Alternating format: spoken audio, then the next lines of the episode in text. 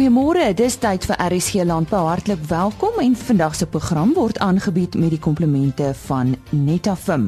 Slim besproeiingsoplossings. Ja, ons gesels finansiële sake vandag met die JSE. Chris Sturgis praat oor uh, kommoditeite en afgeleide instrumente. En volgens Frans de Klerk is dit belangrik om na die Julie kontrak vir witmielies te kyk. Hy verduidelik ook waarom die rand steeds sterk bly.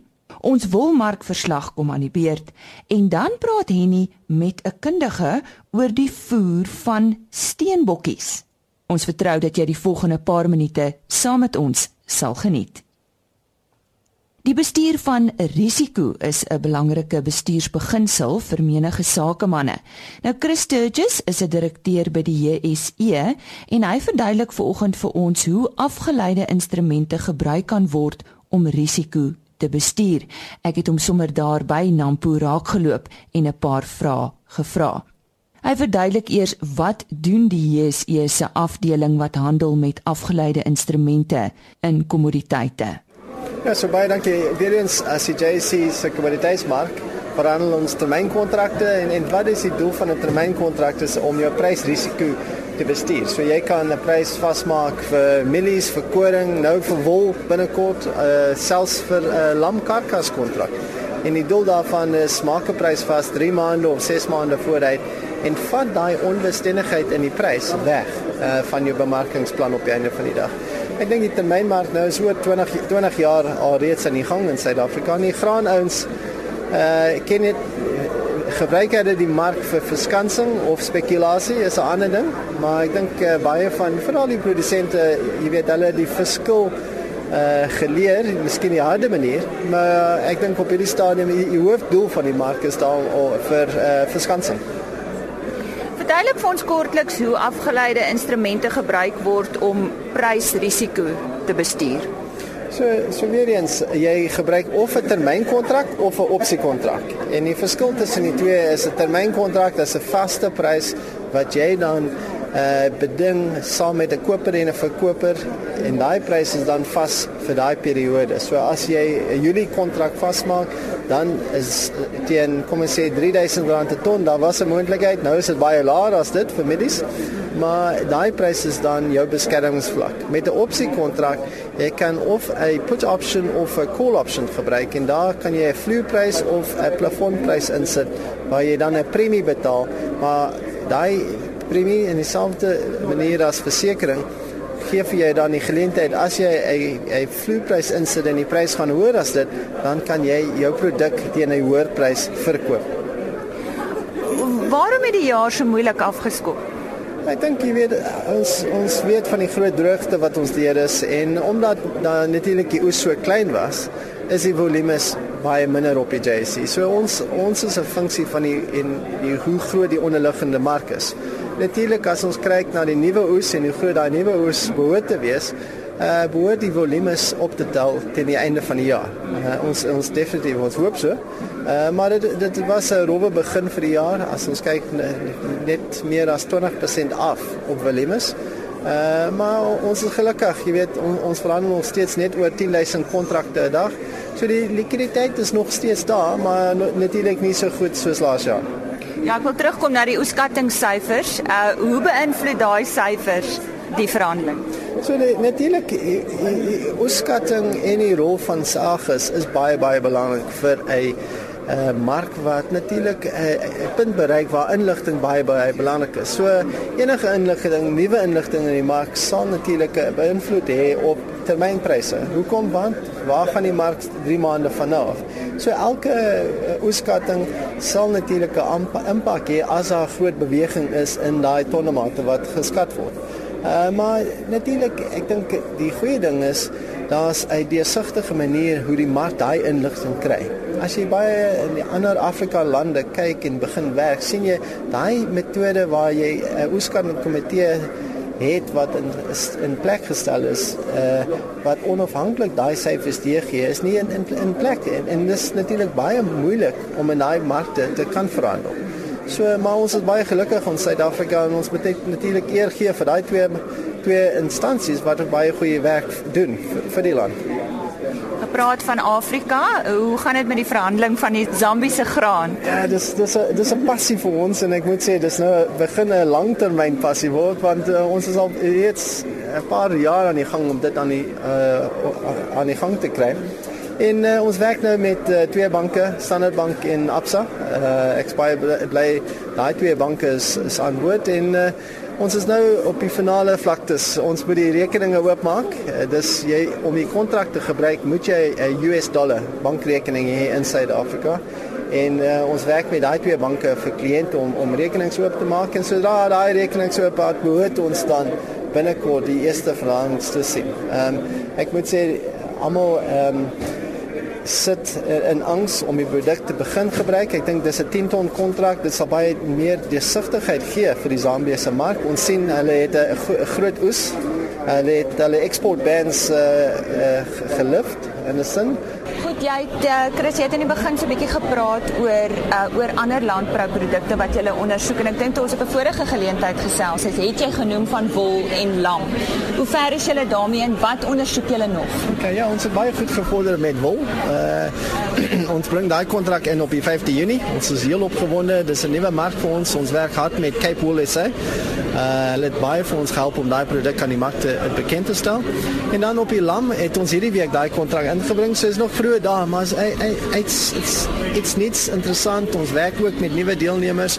Ek het 'n 'n produsent wat my gister geskakel het en was eintlik ongelooflik hoe vinnig hy die konsep uh, begrip. Uh en uh, so uh, ek dink dis ook 'n produk wat so, so goed werk. Ons dan die ander een is 'n uh, feeder calf. 'n uh, Jong kalf wat ons sal natuurlik vir die voerkrale inbring en uh saam met die feeder calf en die beeskarkas kontrak dink ek daai produkte behoort baie goed saam te loop. En dan ehm um, jy weet ander produkte wat ons altyd aan die gang hou is is diesel kan ons 'n uh, 'n uh, fisiese gesettelde diesel kontrak inbring. Natuurlik Zambië is is ons is amper daar. Ehm um, maar ek dink op die einde om ons risiko's ook bietjie te versprei net nie net graanprodukte aan die mark bekend te stel maar ook bietjie van die lewende hawe is vir ons 'n goeie dit's 'n nuwe kliënte basis waar ons kan uh, saamwerk. So ons sien baie daarna uit. Ons het al hele paar jare papier silo sertifikate as ook elektroniese sertifikate saam met ESC uh eh, gewerk. En uh, ja, begin van Mei maand het ons oorgeskakel ons nou aanvaar net elektroniese sertifikate. Natuurlik baie veilige manier om jou eienaarskap van die uh, produk in die silo uh oor te dra, ook 'n veilige manier om dit te verhandel. So ons is heel heel opgewonde.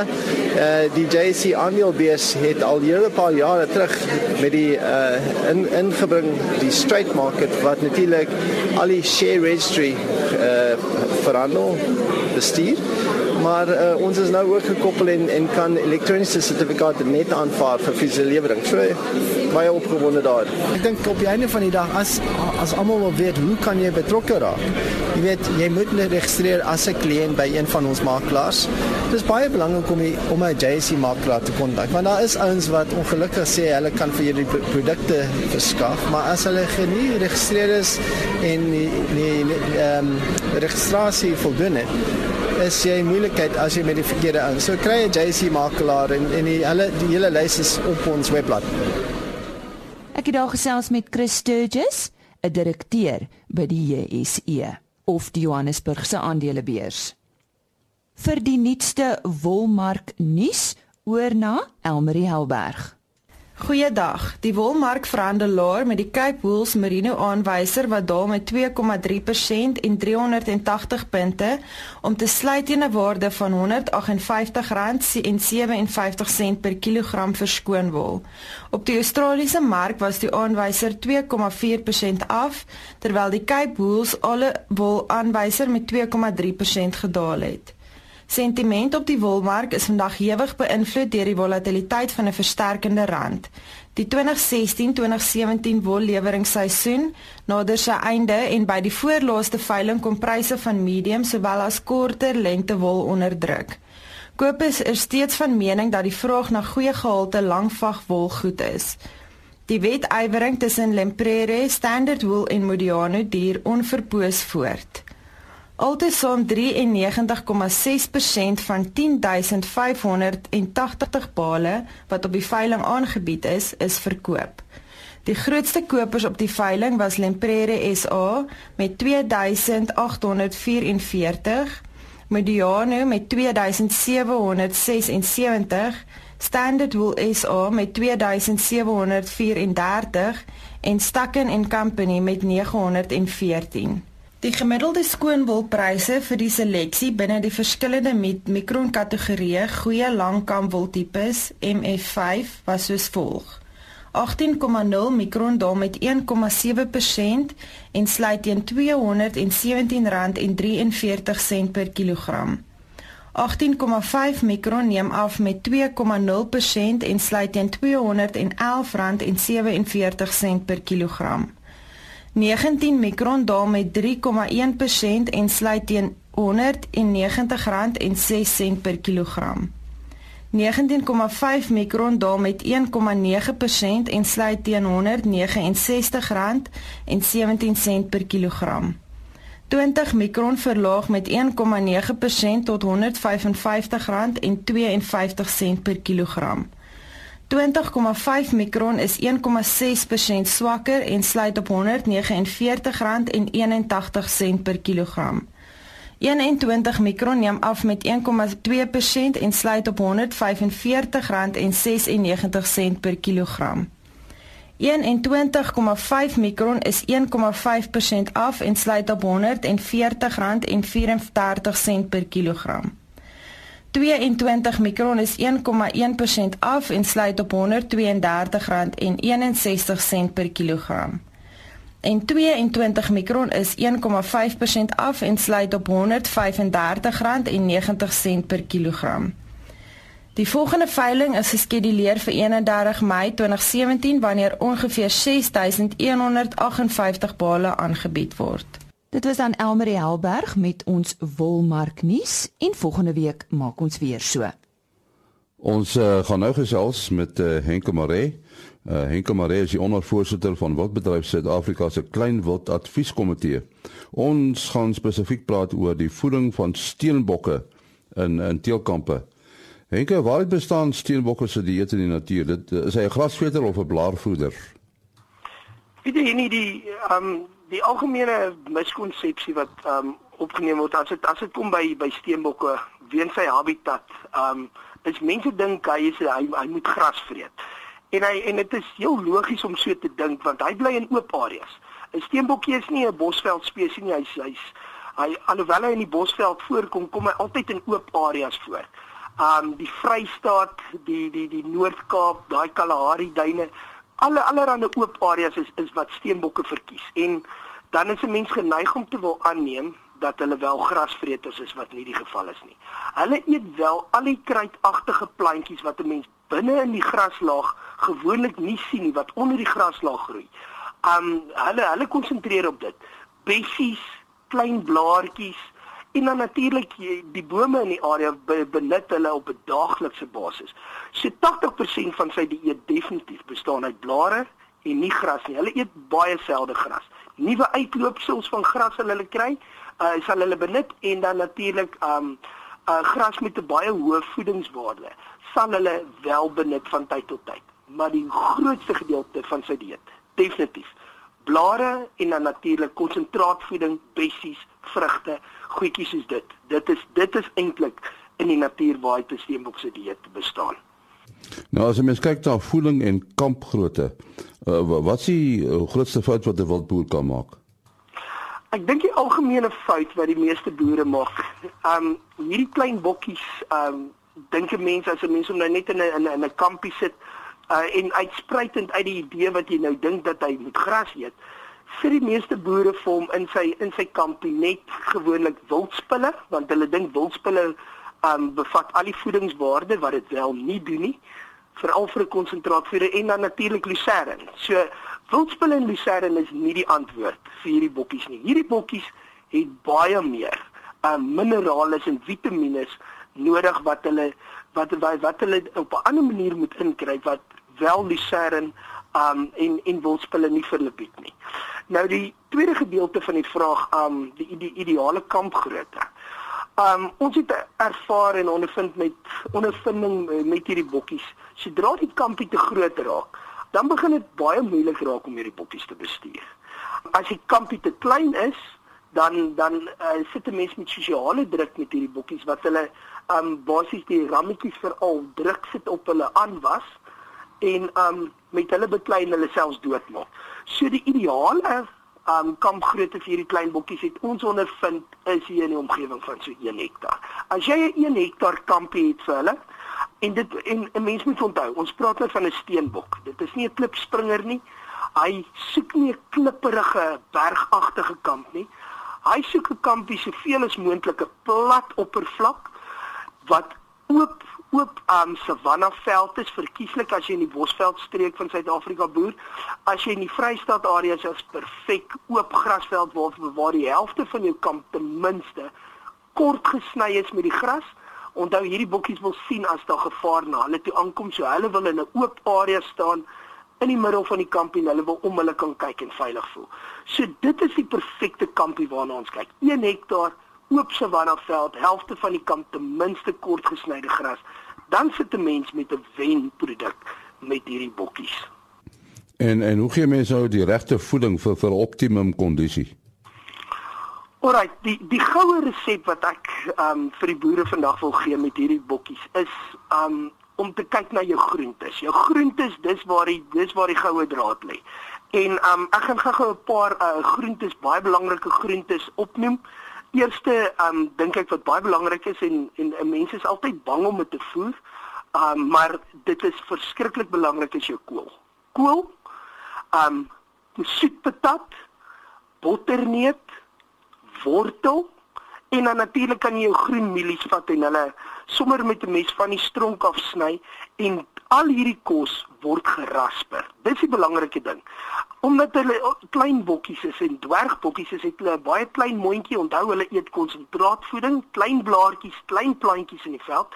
So hulle wil hulle kan nie aan 'n patat kou wat jy is nie. Dis belangrik om hierdie kos alles te rasper dat dit klein genoeg en maklik genoeg is vir absorpsie en opname in hulle liggaam. So dit is die eerste gedeelte van die van die goue resep wat belangrik is met hierdie kos, uh, sit dit in die skemertyd uit. Onthou 'n steenbok, hulle hulle hou daarvan om hier op skemer, sê hier om en by 5uur, 6uur in die middag, um, gaan hulle begin aktief raak om te eet. Dis die beste tyd om hulle kos vir hulle uit te sit.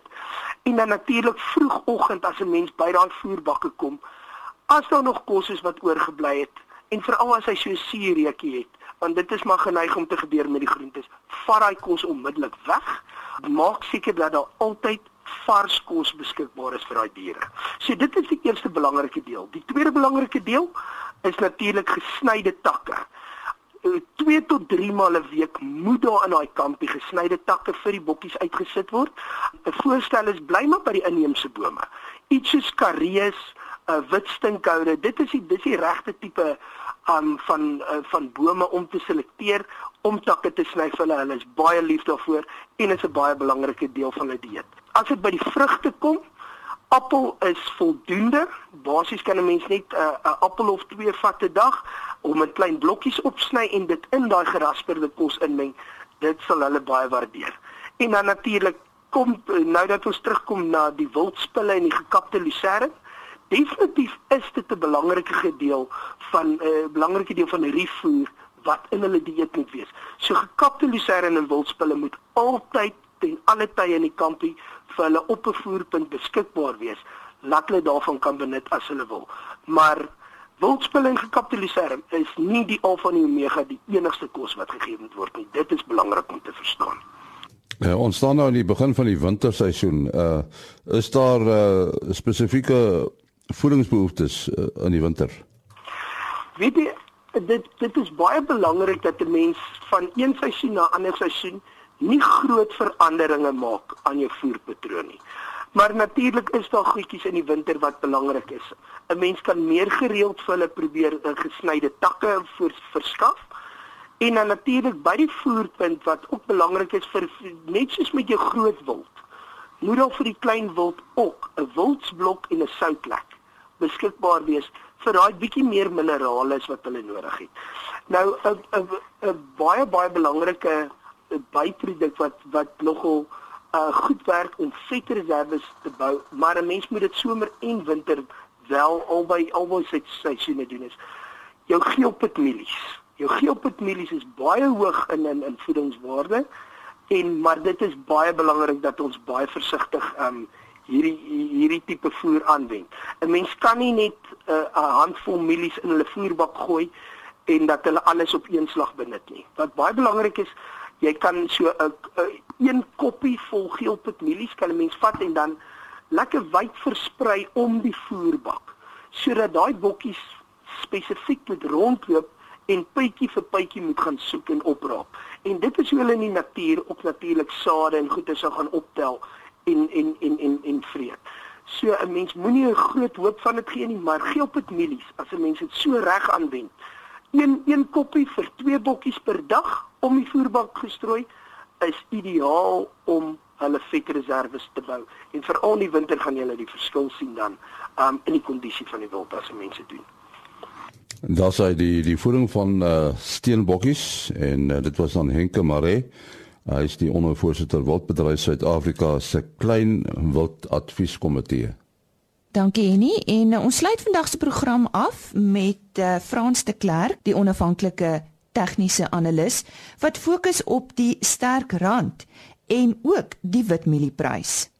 Ja, dis ehm um, jy weet as mense kyk na die rand, mense is altyd geneig om te sê dat as dinge sleg gaan in Suid-Afrika, dan moet hy sommer verskriklik verswak of as 'n bietjie uh, net iets beter kom, dan moet hy sommer skielik kwai versterk. En wat ons uit gedagte uit verloor is is dat eintlik is die rand maar net 'n deel van 'n groot mandjie van geldeenhede en eintlik volg die rand baie keer of die Amerikaanse dollar of die Britse pond of die euro in daai geval. En en dan wat jy nou kry dan begin ons eintlik amper kan mense een oogig na die rand kyk. En ons het dit nou onlangs gesien. Ek bedoel die rand het uh, verswak nadat meneer Zuma daardie aankondiging gedoen het. Miskien daarna het meneer Trump 'n paar dinge gesê en toe die Amerikaanse dollar onder druk gekom. Nou mens mens dink nie altyd so daaraan nie maar as die Amerikaanse dollar onder druk kom dan versterk die rand en dit is wat ons nou sien. En ek dink dit is hoekom as 'n mens net een oogig na die na geldeenheid kyk, dan kan 'n mens baie keer die fout maak om te sê hy moet so of dit maak of en dan ewe skielik doen hy dit nie. Nou die rand is nou op die oomblik vasgevang in 'n mooi tegniese band tussen R13.31 teenoor die Amerikaanse dollar. En natuurlik beweeg hy nou net so onder die R13 wat positief is vir die rand en ek wil amper sê dat as die rand kan onder R13 bly kopers vind, kan die rand self so laag gaan soos R12.84 en op die ekstreme vlak op die indikators miskien R12.71. Nou wanneer die rand by R12.71 kom, dan gaan die indikators nou weer so gestrek wees na 'n kant toe dat 'n mens amper wil sê die rand behoort eintlik tegnies weer daarvan af te verswak. So as 'n mens nou wil kapitaal buiteland toe vat of jy wil nou Amerikaanse dollars koop, dan wil ek amper sê by 12:84 moet jy baie naby aan reg wees om te sê ek gaan my voet in die water sit en dan as hy 'n bietjie uitskiet na daai 12:71 kan hy jou verbaas. En natuurlik nou en dit is wat die boere gewoonlik vir my vra is, hulle sê vir my Frans nou, ons voer goed uit, nou waar gaan die rand nou vir ons in ons gun stel en dit gaan wees en ek wil hê die boere moet dit dalk neerskryf. R13 en 13 sent. Hoe R13 en 13 sent, dan kan die rand weer skielik verswak en natuurlik dan gaan hy al die pad weer kan terug aan 1332, 1347 en dalk selfs so hoog gaan soos R13.70. Nou goed, en die witmielie-prys, jy het gesê ons moet so 'n bietjie kyk na die Julie kontrak.